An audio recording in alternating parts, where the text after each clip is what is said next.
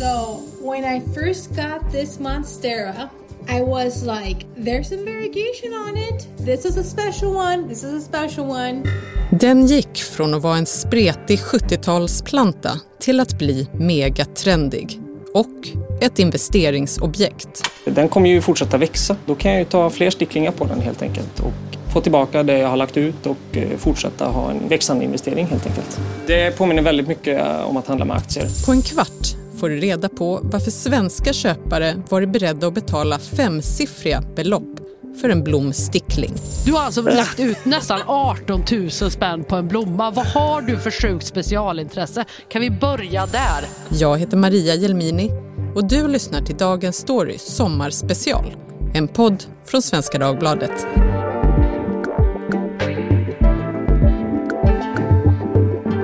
Sara K Lindqvist, du är utrikesredaktör på SvD men det är faktiskt inte därför du är här den här gången. Du har ju nämligen blivit biten av en ny trend.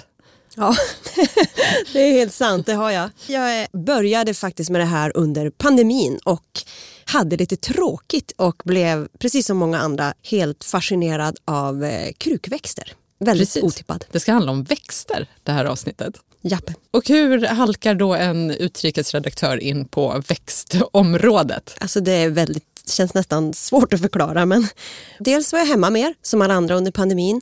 Man gör inte av med pengar, det är svårt att liksom åka någonstans, gå ut på samma sätt. Och då börjar jag helt enkelt omedvetet slösurfa i olika grupper på Facebook.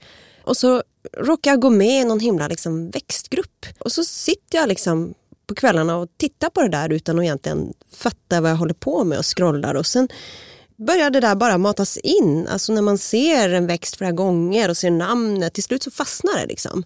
Sen börjar jag liksom tycka att det var kul. Jag fattar inte hur det blev så. Dessutom så märkte jag också hur glada folk verkar bli av sina växter. Och det hade jag ärligt talat inte begripit innan. Men det är ju så där ibland, man råkar gå med i en växtgrupp på Facebook kanske. Men du insåg också ganska snabbt att du var inte ensam om det här nyväckta intresset. Nej men precis. Mina kompisar började håna mig och sa men det är för att du är så himla gammal. Det här är ett ålderstecken eh, och, och hånskrattade och hade lite kul. Men sen började jag se att hur många det var i liksom blandade åldrar. Eh, både äldre och eh, men framförallt unga tjejer som kan allt om särskilt om liksom lite ovanligare växter, lite nördiga saker som hur man eh, får rött rötter ur en pytteliten pinne och hur de ska skötas och liksom alla knep i liksom hela boken. För det här verkar vara något annat än ett vanligt växtintresse. Det här är någonting som har exploderat lite grann nu under pandemin, eller? Du har ju också skrivit en artikel om det här så du har, du har faktiskt gått på djupet i frågan, faktamässigt. Ja, nej men visst, det stämmer. Och eh, det handlar då om mer ovanliga eh, växter som därmed också är sällsynta, de är svårare att få tag på och de är dyrare. Den där trenden har ju funnits men då fullkomligt exploderat under pandemin. Så jag började googla lite grann och kollade och hittade då förra året en kille som köpte en eh, växt för ungefär eh, 17 000. Och han blev liksom riksnyhet för det här. Hur kunde han betala så mycket? Men det är alltså inte då vilka växter som helst som vi pratar om utan några specifika sorter egentligen. Vad är det framför allt? Ja, dels så kan man väl börja med att säga att det är då eh, monsteror. Monsteran är en växt inom familjen kalla växter och växer i Syd och Mellanamerikas tropiska områden. Monsteran är en så kallad epifyt som klättrar på andra träd för att ta sig upp till solljuset och den kan bli hela 10 meter hög. De spretiga pinnarna som monsteran kastar ut är luftrötter som hjälper växten att ta upp syre. Monstera så tänker jag den här spretiga 70-talsväxten som låg utfläkt över halva vardagsrumsgolvet med sina stora flikiga gröna blad. Mm. Men Och- det är inte precis. den riktigt. Ja, men nästan den. Det är den fast den då har vitt i sig på bladen. Och det kallas i, i växtvärlden för att växten är varierad. Och ju mer vitt den har i sig i princip desto finare och dyrare är den. Och då finns det olika sorter då av monsteror som är varierade som också då kostar eh, olika. Och det var en sån som då gick på Tradera för 17 000? Ja, det var en mindre variant som heter Mostera Vargiata Adasoni. Och den var pytteliten, nu måttade jag med fingrarna några ja, decimeter kanske. Och den här killen berättar då för Expressen att han eh, hade en budget på 20 000 så han var beredd att gå längre. Sen ringde jag då till Tradera efter det och kollade. Eh, vad har hänt efter det? Och då sa hon det här var ju liksom en start. Sen dess har det bara gått spikrakt uppåt. Och som exempel nämndes då en eh, aktion som gick lös på 75 000. Men då var det flera sticklingar inblandade där. Traderas trädgårdskategori med fokus på sticklingar har blivit glödhet de senaste åren. Under pandemiåret 2020 ökade försäljningen med 56 procent mot året innan. Den dyraste sticklingen, en Monstera Deliciosa som såldes 2019, gick för drygt 4 000 kronor.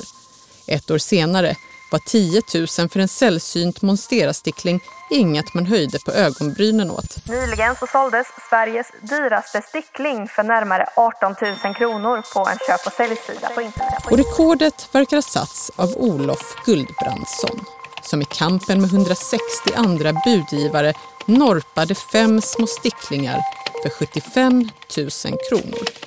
Det gör monsteran betydligt dyrare än guld med ett kilopris på 878 000 kronor. Men det finns alltså en hel del pengar att tjäna på det här? Ja, det verkar det absolut göra. På nätet diskuteras det om eh, sticklingmiljonärer och eh, det finns även trådar där man skriver varierade växter kan betyda money. Och det verkar vara helt sant för många köper stora plantor som de delar och skär isär och så säljer de del för del. Så en stor planta kan innebära 10-20 försäljningar. Och eh, priserna är ju också väldigt höga. Till exempel på eh, här Monstera Adasoni Variegata, då börjar aktionerna på femsiffriga belopp och då pratar vi pyttesmå sticklingar. Du berättade om när du satt på ett café och diskuterade den här frågan med någon, hur man då kommer över de här dyrgriparna. Ja, då var jag, det var mitt i, i vintern och jag var som mest uttråkad och, och, ganska manisk om det här då för att jag ville så gärna ha en sån här planta. Plötsligt har jag liksom omedvetet börjat tycka att de är så himla fina. Men fattar också att jag, är, jag kommer inte kunna få fram rötter ur en 5 cm pinne. Det, den, jag kommer köpa den och sen kommer pinnen att dö och så blir det Du är inte så hängiven Absolut, helt enkelt? Ja, eller kanske inte så kunnig. Eh, jag hade gärna velat. Då satt jag där och beklagade mig för att jag kommer inte kunna hitta en sån här växt. Eller så hittade jag en och de kostar liksom alldeles för mycket pengar. Eh, och det är inte värt det. Och då kom det fram en tjej som, eh, ja men hon var så typisk för de här tjejerna i de här grupperna som, som jag då är med i. Jag har gått med i fler och fler. Och hon sa, nej men det här ordnar sig. Du behöver inte köpa såna små pinnar utan eh, gör så här istället. Gå i butiker, de får in dem ibland. De behöver inte alls vara så här dyra. Ta det lugnt, det här kommer ordna sig. De är inte svårskötta, du behöver ingen växtlampa, du behöver inte hålla på så här. Bara försök att köpa en, det kommer gå jättebra. Och det gjorde du? Ja, hon visste vad hon pratade om. Så jag gick ner och började gå liksom och kolla och hittade till slut en sån växt. Men då skulle de ha ja, 5 000 kanske för den. Men då frågade jag faktiskt, har ni inga mindre? Jo, det har vi faktiskt. Och då slog jag till och köpte en. Och vad, vad var det för sort? Det var då en Monstera Vargiata. Den som du pratar om, fast en mindre, kort och gott. Som har då vitrandiga, ungefär då, eh, stora blad. Mm. Var det här en bra investering? Ja, alltså det som har hänt sedan dess då priserna var som allra högst så har det ju dippat nu. Eh, nu har ju Sverige kommit längre i vaccineringen. Läget förändras i pandemin. Folk kan göra annat med pengarna. Så att priserna har faktiskt dippat och kanske också för att det finns fler och fler sådana här växter och då är de inte lika sällsynta längre. Men fortfarande är de ju väldigt populära. Jag ser den väl kanske inte som en investering utan vill väl mer försöka hålla den vid liv. Monstera deliciosa is one of the easiest plants to propagate. All you need to do is find a node on the stem. And this right here Men hur eh, tänker du nu då när som sagt eh, världen har börjat öppnas upp? Vi kanske har snart både vaccinbevis och en vaccinerad befolkning. Kommer du fortsätta? Och... Nej, men, nej alltså det här var ju det här var ju som en ogenomtänkt liksom, coronavalp. Alltså det, Jag tänkte inte riktigt på det. Jag var bara uttråkad där och då och som sagt jag plötsligt upptäckte att jag hade lärt mig en massa saker omedvetet. Jag, jag kunde plötsligt olika uttryck i krukväxtvärlden och jag liksom på något konstigt vis började uppskatta växter. Och så köper jag en sån här helt utan tanke att det blir sommar. Jag kommer åka iväg. Med plantan i knät? Ja men det är ju så illa alltså. så jag får ta den i bilen. Men också jag kan ju inte köpa några fler. Hur tänkte jag här? Liksom? Jag kan inte lämna den där i en månad. Det, det var det, så. Så man tror ju här att jag borde kunna vara genomtänkt. Ändå sitter jag och, och smågooglar på lite andra växter som jag ändå tycker. Det finns även rosa varierade som jag tycker ser väldigt fina ut. Men vad är det då, tror du, som gjorde att människor faktiskt kunde tänka sig att betala tiotusentals kronor för en stickling? Jag tror att pandemin påverkade starkt. Dels att det kanske redan innan pandemin fanns ett eh, ökat intresse bland yngre för krukväxter. Vi har haft eh, reportage om det i SvD Näringsliv med företag som åker och stylar yngre människors liksom, lägenheter med fina stora växter. Så att det kanske fanns ett intresse innan.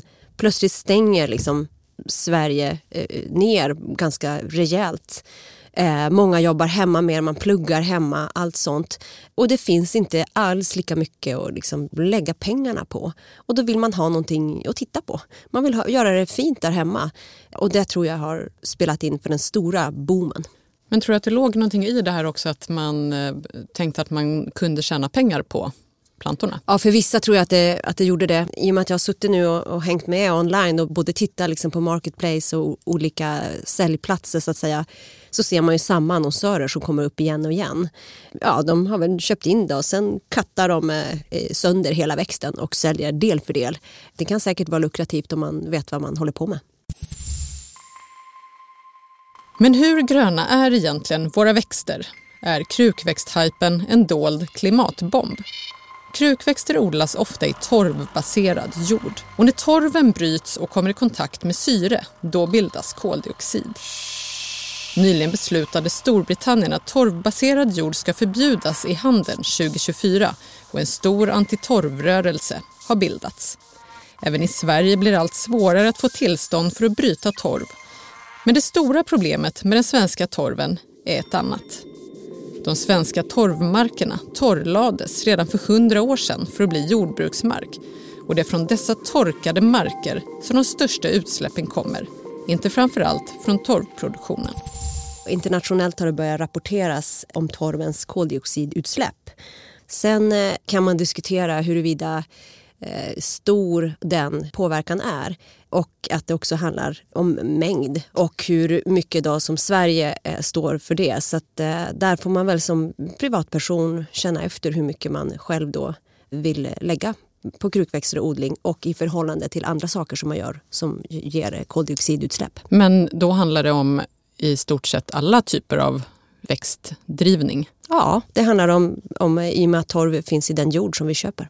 Så vilket blir eh, nästa plantinköp då? Ja, det får ju då bli i höst för då, då slutar jag också tänka framåt på nästa sommar för det, det är så långt dit. Och då eh, sitter jag och funderar då på, ja, det finns sådana som heter Pink Princess som jag tycker låter väldigt fint. De är då rosa, gröna och ser väldigt tjusiga ut. Tack Sara för att du var med i Dagens Story. Tack.